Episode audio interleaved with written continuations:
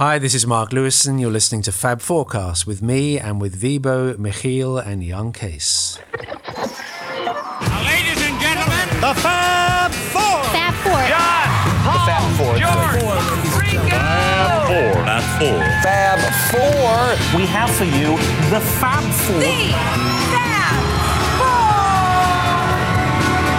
Fab4Cast. Hello, Fat Forecasters, and uh, a very warm welcome to you on this uh, very early Sunday morning. I'm here at, uh, I'm that it's uh, Michiel Tjepkema at the uh, Vondelpark Studios, uh, right down in Amsterdam, sitting with my regular co-hosts Vibo. and Jan Kees. and a very special guest this early morning, and that is Mark.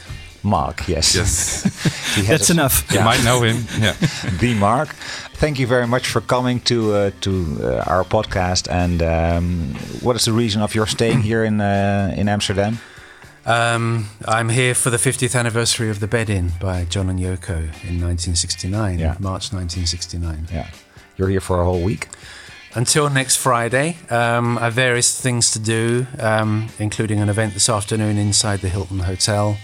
And then there is an event on Wednesday night at the uh, Concertgebouw, Yeah, um, at which I'm speaking, which will be quite uh, a nice thing to do. Wonderful venue. So, uh, and, and some research and interviews and looking around. so is, is see my holiday as well or not? Uh, Holiday? No. No. no. but, but I, since I enjoy everything I do, it's all kind of a holiday. okay, good. Yeah. Lucky you. Yeah. um, well, we're going to talk about uh, various things. Uh, first, we'd like to ask you some questions about your research, of course, and the working on the next few volumes of uh, of your uh, Beatles trilogy. Trilogy. Uh, Trilogy, I like that. I'll yes. Write that down. it's a thriller in uh, some sense. Uh, yeah. Um, but uh, we're also going to talk about the spring of 1969, which was a subject that you suggested. Um, Yeah, I don't. It just seemed right in the moment when I was asked the question by Vibo. Yeah. Um, it's an interesting period. It's the period. uh, I think we, we, we should talk about the period between the so-called Get Back sessions, which aren't really that, in January, and the Abbey Road album, because people tend to think of one album and then the next album. They often don't look at the period in between, and that's what I thought we should do. yeah. Well, one of our first questions would be uh, that, um, that that being a Beatles fan these days sometimes seems to require having a big house uh, in the country, so you can easily store all kinds of extensive packages of reissues of all Beatles and solo material. Um, do you have one or several Beatles rooms in your in your house? What, what, what does your working place look like? Um, for the last 36 years, I've been working for myself as a self employed writer. Uh, and that has always entailed living, uh, working at home. So um, my Beatles room or rooms is, is also a working space. It's the desk is the most important, the central bit. Um, but of course, like all of us, I do have a lot of stuff, and it just mounts up and mounts up. And also because of the research I do, it, I, I'm constantly acquiring new things and bundles, bundles of papers, and all the new books and releases that come out, and old things as well. So uh, I've I've run out of room where I am at the moment, and um, it's it's very full. That's all about all I can say. It's ceased to be as functional as it needs to be because I can't always reach the things I want to get to. Are you also a collector of Beatle things like the McCartney archive releases? Do you buy them or do you get them or listen to them? Not anymore. I was. Um, I I probably had every record that had been released um, that had an, a Beatles association, including all the reissues, up until about the turn of the century, maybe 1999, 2000, and then I started to be a bit more selective. And Why? with the why? Yeah, why? Um, I just didn't feel the need anymore. I don't know. My my, I think f this is true for all of us. I think your interest evolves, and the things you want to collect, you know, evolves. So um, when Paul brings out a new issue, it, I might buy it. I do have two or three of those, but I, I would have once made a point of having every single one, and now I don't. And Yoko and Sean are just reissuing the wedding album as a box set. Yeah. Well, I do have the original, and the the new one has white vinyl, but it's otherwise much the same, the same contents, and uh, it's about ninety pounds in UK money. Whoa. And I'm just thinking, oh, I could buy it, but do I need to buy it? Yeah. You know, when I bought the box set of Beatles Christmas records that came out on vinyl a couple of Christmases ago, um, I didn't even open it. It's still sealed. So why did I buy it? You know, I mean, if it had been, I mean, someone just sent me the files. That's really. Yeah. Yeah. I mostly play computer files now because that's that's what you need for for ease of reference. And do you collect uh, bootlegs? Uh, I don't. I did collect bootlegs through the late seventies, eighties, and into the nineties, but now I'm just interested in the content. I, I, I came to a realization a few years ago that it, it, it, to me at least, it no longer matters what label is on it. So people talk about has something been officially released or is it only unofficially released? Well, the point is it's been released. Whether it says Parlophone Apple or Capitol or whether it says Yellow Dog or Swinging Pig or whatever, it's released. So um, as long as I have the content of the bootlegs, which I do, um, I don't need to own the physical product. Mm. But I do have a lot, of course, because you can't go through all these years of collecting without getting some. But I don't fastidiously get every one. Okay. And, and books? Books I do. Books I do still get everyone, but they they mostly they, they do go unread because I'm too busy writing my own books to stop and read other people's. The, obviously, there are certain works you have to read, and I make sure that I do. But but most of the books that are secondary now, by people who weren't present at, at events and haven't necessarily done their research very well, um, I buy them. That's the one thing I do still buy routinely, but I don't necessarily look at them. But what I have in total, and we all have, I'm sure, is an archive now. We all have archives. And we're all men of a fairly similar age. So there'll come a point not too long from now, 20 years, maybe 30 years, when our loved ones, our nearest and dearest, our children or grandchildren, will be wondering what on earth to do with all these Sell things. it. Right. Well, sell it, but everyone will be selling at the same time, so the price will be depressed. Um, more to the point is, um, I think there's a need for a, a kind of central world archive of where people can donate their collections, and then there is this one place that kind of has everything, and it's a place where students in the future can go and find out what they need to know. Yeah. You have a vast archive yourself, of course, and I, I heard in one of your recent interviews you said that would be one of, on my wish list that uh, there's an archive of my personal stuff.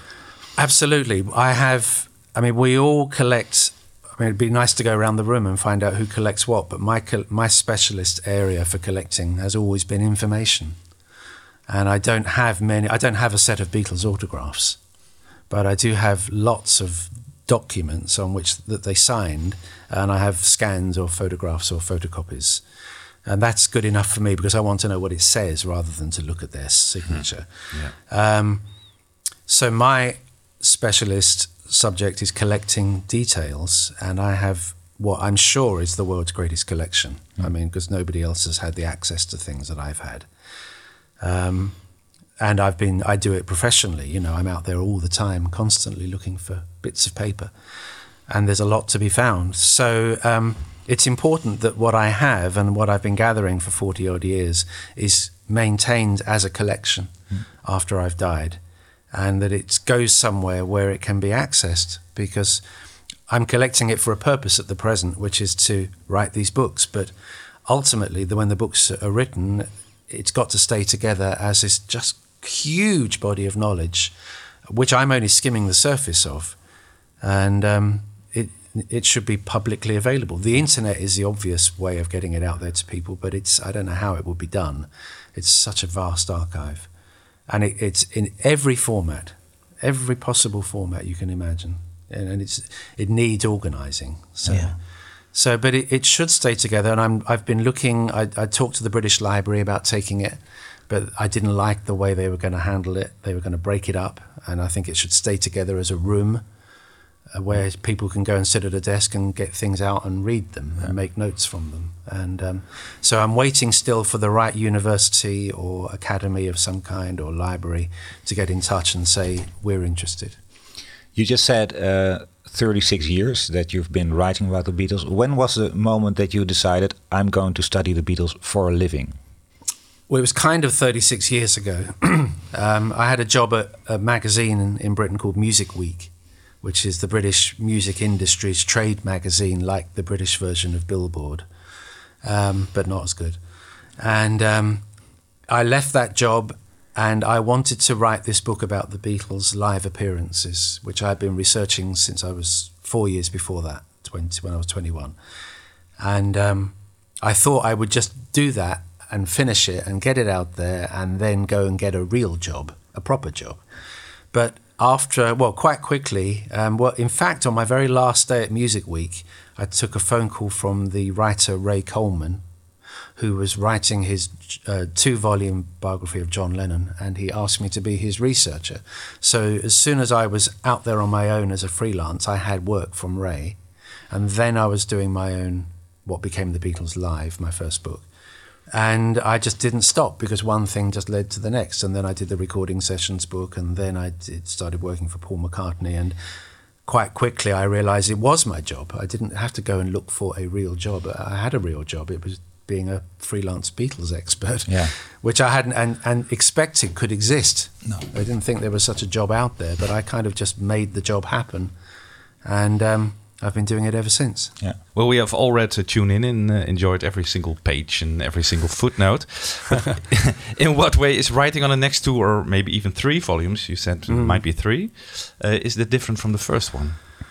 Um, the first book, Tune In, um, I'm not going to undersell what how great the challenge was. It was an enormous challenge um, on every level. Uh, it, it stretched me in ways I didn't know I could be stretched. Um, but as the writer, you set the your own parameters, and if you set, I set the bar very high um, as an achieve. You know, I wanted what I wanted to, it to be and what I wanted to achieve, and then tried to jump it and um, and I think I did. But each of the three volumes is a different challenge, and the challenge of volume two is is actually greater, almost exponentially greater, and. Um, And that's because there's such a wealth of information, or it's because I'm completely drowned in information and um, and context and events that were happening simultaneously in different parts of the world that all need to go in, and um, because it's because it's such an all-encompassing book. Um, because I include everything that needs to be included for the sake of interest, though I do, of course, leave out anything that needn't be included. I do leave a lot out. But um, what I want to include is so vast, it's hard to keep a handle on it. It's hard to kind of marshal it into a coherent form and keep it engaging. yeah, So the challenge in Tune In, the, the narrative was essentially Liverpool. And then it goes to Hamburg and to London. And of course, I bring in American music and I look a little bit about what's happening elsewhere. yeah. But the next two books, they're global in content, you know, not because the Beatles' influence was so far, uh, so far flung. And- so it's it's going to be really, really hard Yeah. to do it. And you're saying uh, the book doesn't contain anything that that's not of interest. Um, how do you decide what what to put in there and what not to put in there? What how because you have to cut corners as well. Um, Yeah. And we live in days in which uh, books are being written about the Beatles' drugs use, uh, about our world, about single events, Yes. about the Beatles' sex lives. Yeah. Um, how do you decide what to put in there and what not?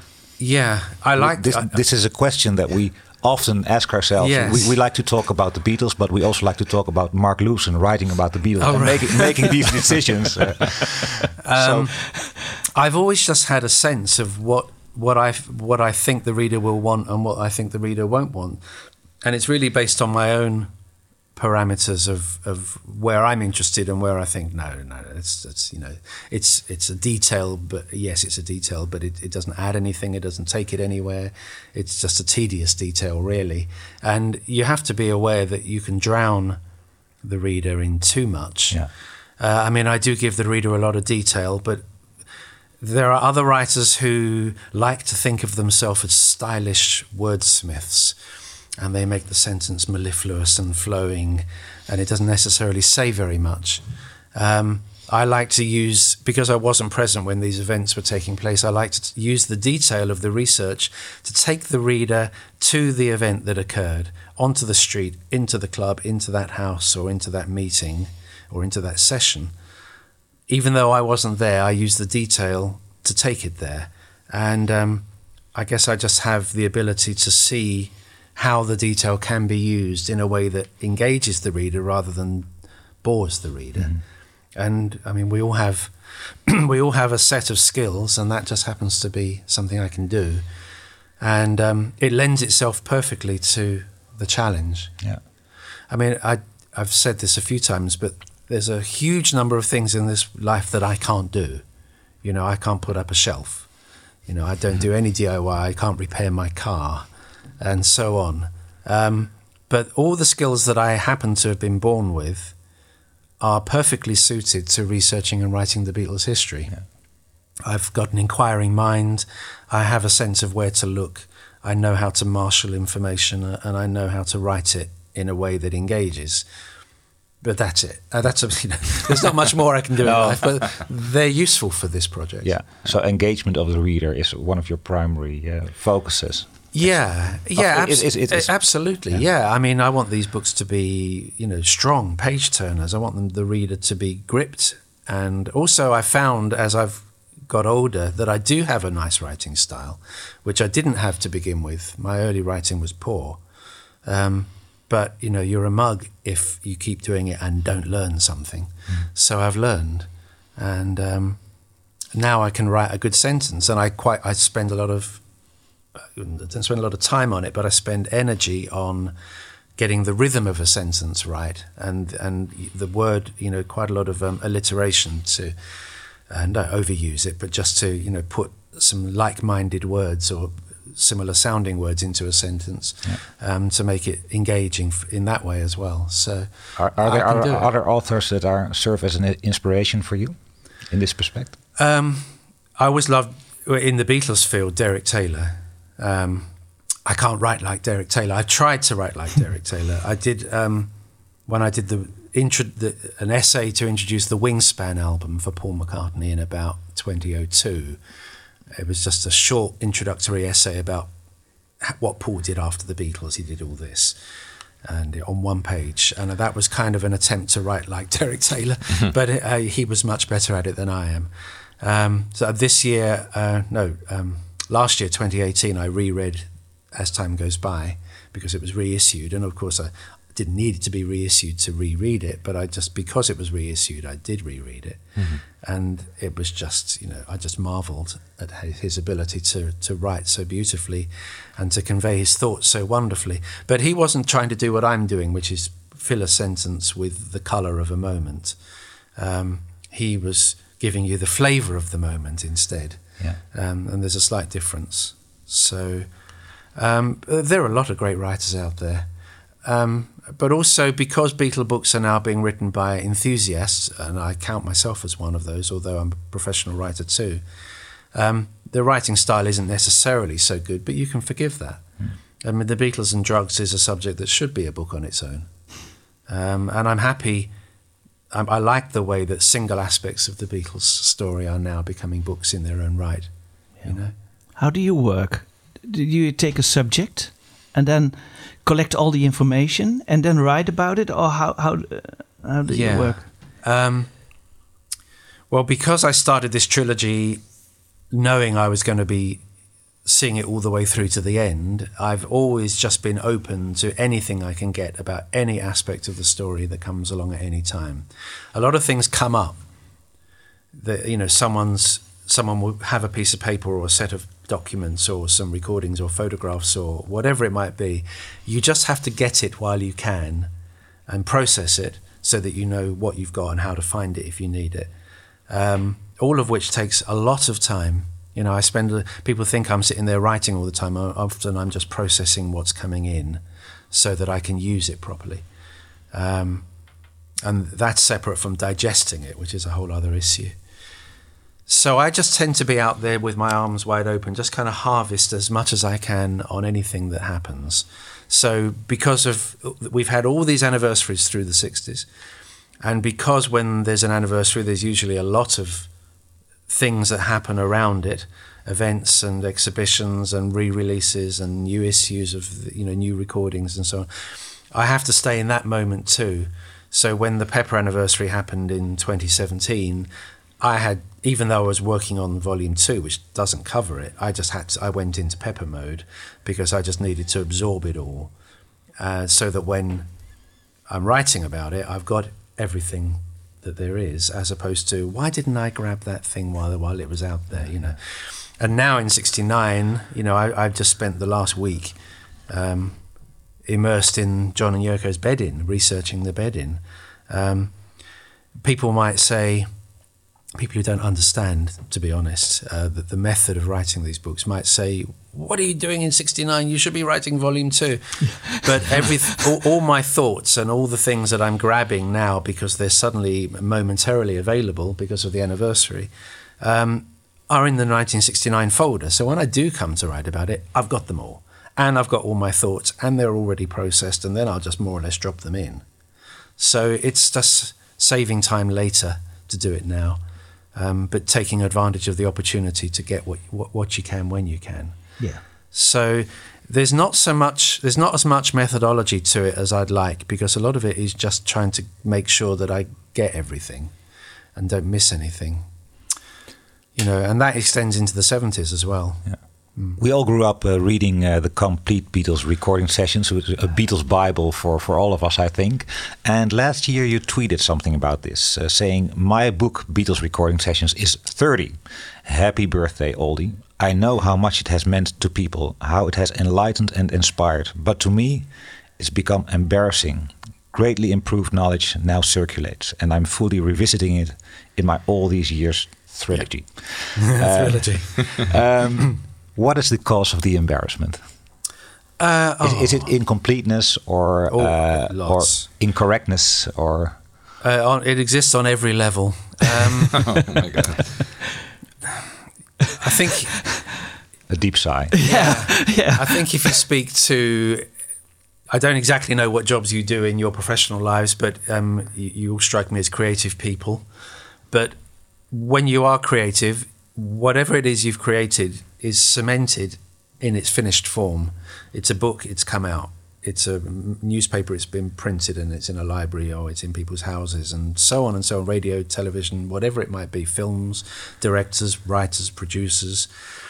And when you write something that's factual, um, obviously, you do your best in the moment, and there was no way I wasn't giving of my best. I know my own performance was okay on that book, um, but so much has materialized since uh, since then um, as to render a lot of the information in it either incomplete or wrong or not simply grasping whatever it was that was happening in that session.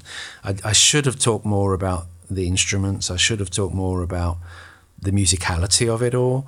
Um, I didn't have, I never deceived anybody that I'd heard everything, but everybody seemed to assume that I had heard everything, but I hadn't heard everything because it simply wasn't possible. There were unfortunate strictures on that book. I came into a project, the Beatles recording sessions existed before I was hired. It existed as a project and it had already been decided how many pages it would be and how many words it would be and what format it would be before I came in. And as soon as I started to write it, I realized I was writing into a format that didn't work, or wasn't the one I would have chosen, put it that way. So it was a bit frustrating, and there were things that were cut to, to make a page number. You know, we, we can only be this number of pages. Well, you know, there's more to be said, and it was it was a battle to get that book produced. Um, a, a, lot of books are, a lot of films are, a lot of TV and radio is. You know, there's battles that the audience doesn't see. And you were also under a time constraint, I think. There was a time constraint as well, so I didn't get to hear everything, and um, I didn't say I heard everything, but I did use the information from the recording sheets and the tape boxes, obviously. Um, but now that we've got like the Sergeant Pepper box set that Giles Martin did and the um, White Album box set that Giles did and the Abbey Road one to come, and hopefully also Let It Be. My stuff is exposed now as being inadequate.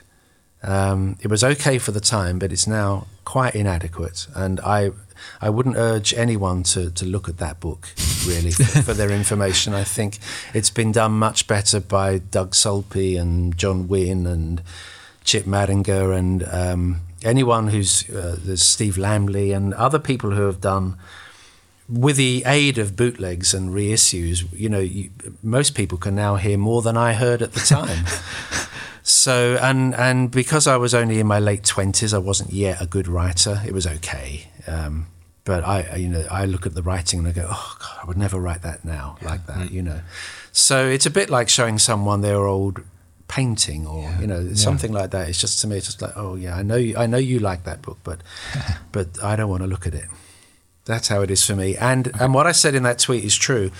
It, it's already in Tune In. You'll notice in Tune In that when there's a recording yeah. session, it's got a separate entry. It's still part of a flowing narrative of what's gone. It joins with what's gone before and carries on with what fo- with what follows.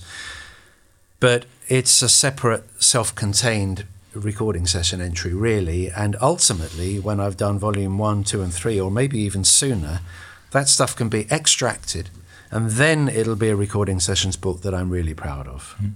Because I will be talking about the musicality, I will be talking about the gear in the next two books. I will be talking mm. about the harmonies. You know, I don't really talk about the harmonies and or anything like that. You know, mm. I just talk about they went in and did 11 takes of this.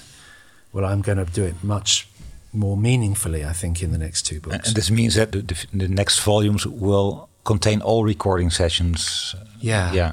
Yeah, they will. I mean, the big books I'm writing. Yeah. So you, said it'll contain all everything. So yeah.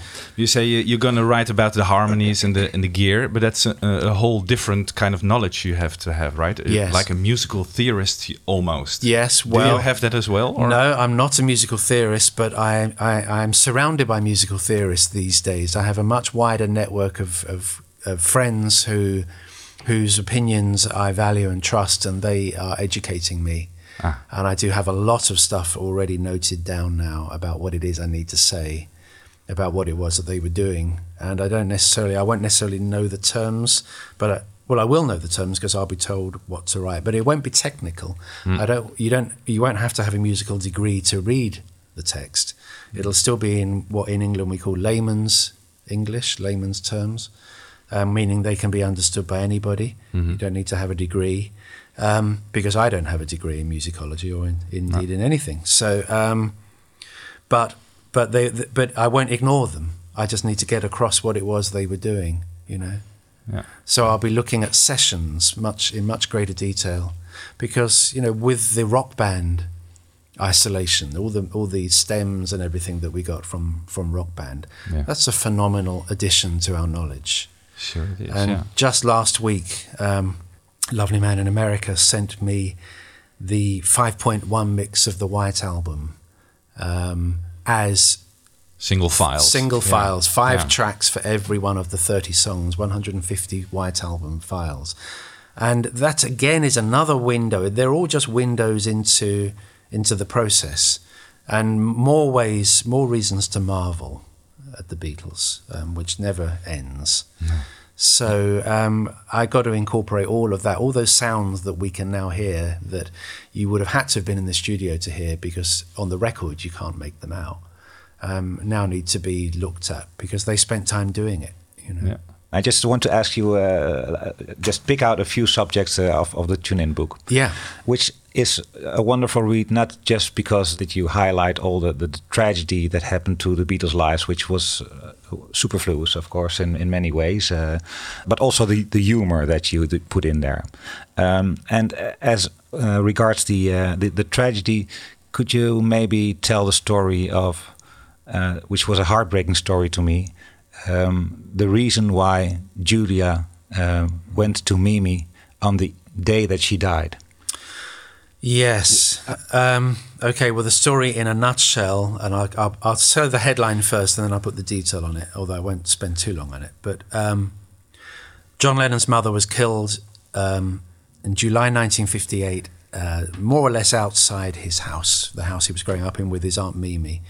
Julia, his mother, and Mimi were sisters, and John was being raised by his aunt, but the mother would visit, and John would visit her why was she there that night? She was there that night because um, her partner, whose name was John Dykins, had been fired from his job, and money was suddenly tight. They didn't really have the money. And John Lennon used to go over to see his mother, and there would be this guy, John Dykins, and their two children, Julia and Jackie. And John was a teenage boy, so he had a good appetite. He ate well, and he would always, you know, like you do, you go to the fridge and what's in there, and he wanted to eat. And John Dykins was saying, you know, this how much is this all costing me? That kind of thing. I would imagine. I wasn't present, but and suddenly, with money tight, Julia went over to Mimi and said, "We've got to discourage John from coming over quite so often because um, we can't afford to keep feeding him." That's the essence of it, anyway. And I have that in Mimi's own handwriting. Now, why had he lost his job? He had lost his job because he had been caught drink driving um, driving under the influence of drink, um, late one night, about two weeks previously, or something like that. And um, as it happens, he was stopped for drink driving on Menlove Avenue. More or less, just a little bit further down Menlove Avenue from where Mimi and John were living. Um, late one Friday night. He worked in a restaurant and he liked to drink. And anyone who works in the restaurant or bar trade, there's a, obviously a possibility of drinking. And drink driving was frowned upon in those days, but not as much as it is now. People did do it. Um, they do it still, but they certainly were doing it then. And he had the misfortune to be caught, but he was very drunk and he was weaving all over the road. And the policeman flagged him down and stopped him. And um, he was in, I found the court records of his trial, at which he was fined and lost his license and lost his job. Uh, the court didn't make him lose his job, but he lost it as a consequence of all of this. So if he hadn't have been caught drink driving, Julie would not have been there at Mimi's that evening. I mean, she might have been there anyway for some other reason, but she had gone there, according to Mimi, and I have that in her writing in order to pass along that message that John shouldn't be coming over quite so much now. Not for a while, not until we're back on our feet, kind of thing. And it was that when she left the house that evening, she got run over on Menlove Avenue, just just up the road from where John Dykins had been arrested. It's an incredible story. A real chain of events. If that hadn't have happened, yeah. this wouldn't have happened, this wouldn't have happened, yeah. and potentially she wouldn't have been killed. Yeah. yeah. John never knew this. No. I don't know whether John knew. I also don't know whether Julia's other children knew. I have no idea. Um, but it was. I knew that when I found it. The thing is, newspaper coverage was so much better then. I mean, newspapers now they're almost they're not dead, but they're dying. And in Britain, on a level, local level, they more or less are dead now. They, they're all, they're almost extinguished by the internet and everything. So in those days, the, the newspaper was the medium. And I made it a point of turning every page of every issue of certain newspapers in Liverpool, like the one around where John was living and the one around where Paul George and Richie were living. And um, I'm just turning every page and just looking at every piece and looking at every piece. And it's like, you know, drink driving arrest. And I just look at it and it said John Dykins. And I thought, ah, oh, John Dykins. And it's clearly the same one, it had his address. So, and then I found some further pieces because he appeared, he was arrested, that was reported. He was in court, that was reported. Then it was the Liverpool Daily papers, it was in there as well. And then I went to the court records and got the court records. And then I found Mimi's notes. And then it obviously all plugged in together. Yeah. I was just putting the pieces back together and realizing that there was a story there. Yeah. That's what you wow. mean about digging for gold. Yeah, yeah, digging for gold. Yes, if I hadn't have been bothered to be turning every page, I would have missed that story. Which is why no one else had ever found it, because no one else had ever done that legwork, as we call it. But very few writers have the opportunity, as I do, to spend the time doing it. Yeah. Are there any periods in the in the story, for one reason or another, are, that are difficult to find information about because you happen to hit upon this story? But are there periods where you, you wish yeah. yeah, there was information about you cannot find it. I didn't know that there was a story there to be found. So yeah. I, had I not found it, I wouldn't have known it was there. So you can't know what you don't know. That's true. um, but so are there things I do know about, but I'm frustrated that I can't find enough about? Yeah. Um, none coming to mind. It's amazing how much there is. I mean, I am full time professional Beatles researcher. Um, I've, and I've been doing it for f- almost 40 years now because yeah. before I Before 36 years ago, when I did it full time, I was doing it in all the spare time I could, from literally 40 years ago this year. Um, and it's still coming in in great quantities. It's not like a little bit each, you know, once a month you might find out one bit more. It's still flooding in. Yeah.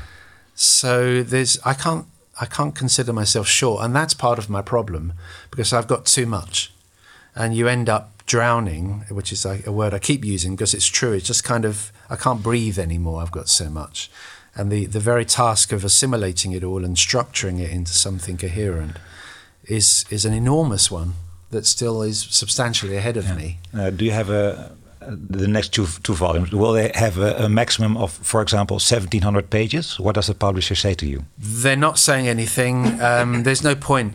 I, I, one of the things that I've learned from the Beatles, and you know, the Beatles, they entertain us, but they can also educate us. Um, and that is to don't don't think things before you need to think them. You know, uh, the right answer will present itself, and so on. So um, the moment you set down a limit, then you'll then you begin to compromise something because oh I, have only got 20 pages left i better start writing a bit you know i better not go so deep on that or whatever it might be so i much prefer just to write and at the end we'll see how long it is mm. and then we'll decide what to do and hopefully as in the case of the extended edition of tune in the publisher just went oh, that is long but actually we'll publish it mm. we will publish it and i don't know that 1700 need be a limit there's no reason why it should be we just talked about the tragedy, uh, but also the, the humor in this book. Uh, there's of, of course the humor of the Beatles themselves, yeah. uh, which is great. We learn about how John used to spit in sandwiches when he had to, when he was working in the restaurant of Liverpool Airport, was it? What is now Liverpool John Lennon yeah. Airport. yeah. Um, he used to. They they they gave that the name, the, the John Lennon Airport, and the hotel where he actually worked is the John Lennon Hotel, without knowing that he was ever there, yeah. uh, working there, which he was briefly. Yeah. Um, and so we we had he boasted when the Beatles were going back to Liverpool in July '64 for their grand civic reception. He was boasting to Derek. John was boasting to Derek. Uh, don't eat here because don't eat a sandwich here because you know I used to spit in there, as if that would make any difference to the sandwiches six years later. but um, and because he sold it to Derek and Derek put it into Fifty Years Adrift, I've got it. Okay. Suddenly, that bit of knowledge becomes available. okay, that's a great story. One other story that really had me laughing out loud was the great story of George Harrison on his last trip to Hamburg. You're, he's writing to a female fan, Sue Cement Mixer. Yeah. Uh, and she offered him to wash his car. Can yes. you read the, the letter from here? Sure. Okay. So this is Sue Cement Mixer, whose name was Sue Houghton. Lovely woman who I'm still in touch with. Um, so this is Sue talking to me. A letter arrived at my house from Hamburg and I recognized George's writing. I thought he'd be saying, please don't bother my parents. The, the history there is that she had gone round to visit George's parents while he was in Hamburg. I thought he'd be saying, please don't bother my parents, but no, he'd phoned home. His mum had said Sue Cement, Mixer had been around. She told him my offer to wash his car, and he sent me a long letter with a seven point instruction about how to clean his Anglia and when to clean it, about the 8th of January, just as they were getting home from Scotland. It was a great letter, three pages. I was to wash the car inside and out with warm, soapy water, polish it with two separate dusters in a circular motion. um, vacuum the carpets, do both sides of all the windows, everything. He timed two tea breaks into my schedule, and the seventh and final instruction was proceed to 20 Forthlin Road with about six buckets full of dirty, muddy, greasy water, where a shiny Ford Classic will be seen. Spread the contents of the buckets evenly so as to leave a nice film of muck over the car. He was suggesting I dump his dirty water on Paul's car. yeah, that's great. Yeah. who? I mean, who had interviewed Cement Mixer before? no. But when Paul was on Desert Island Discs in 1981, he he chose "Searching" as one of the songs he wanted to take with him to this desert island, and told a story of the fans in the cabin. Yeah with re- making requests, you know, Yeah. sing. Searching Paul and all of that. You know, Because Paul does great Liverpool Beatles fan voices, and all the Beatles did, uh, but John and Paul especially. And um, sing Searching Paul, and and he talked about groups of fans like the Cement Mixers and the Wooden Tops, and from that moment on, it was just like I wonder who those people really were. And I ended up meeting this woman, Sue Houghton, who was Sue Cement Mixer. And she still she signs off her emails to me SCM Sue Cement Mixer buckets of love Sue Cement Mixer, and um, and she's great. And people like that have really strong, direct, original, true stories with letters like that from George to back it up. And you know you're getting the real thing from these people and not just some tired old regurgitated memory from someone who wasn't really there in the first place. You know, it was a documentary on the Beatles on BBC Four television Friday, two days ago, just before I left for Amsterdam. And I shouted at the screen almost all the way through because it was just so wrong. Um, f- people talking rubbish and people claiming things that aren't true. And then there's people like Sue, who would just be a brilliant interview in a program like that, and no one ever asks her, except that I found her and I'd asked her. So that's why it's so fresh, this stuff, because it's not something you keep hearing over and over. And there's the humor of the Beatles, but also I think the humor of Mark Lewisohn in the book, uh, which I like very much. Um, two examples. One example is from the the book, uh, the the chapter dealing with the Nerk twins at Paris. Uh, this is where they first saw the Pierre Cardin round neck jackets. This is where they looked for but didn't find uh, half boots. And um, they just wanted to look like Jürgen Vollmer, who was with them. And he, they stayed in their hotel room uh, at the Rue de Beaune. Uh, at this Rue de Beaune, there was also a concierge keeping an eye on them, since they, uh, she did not want them want Jürgen to receive night visitors. But in the day, you, you write it was a different story. Jürgen cut John and Paul's hair, and then you write in a deadpan style, the Beatles' haircut was born that afternoon, perhaps 12 or 13 October 1961. In the tranquility of 29 Rue de Beaune, a narrow side street shaded by tall buildings.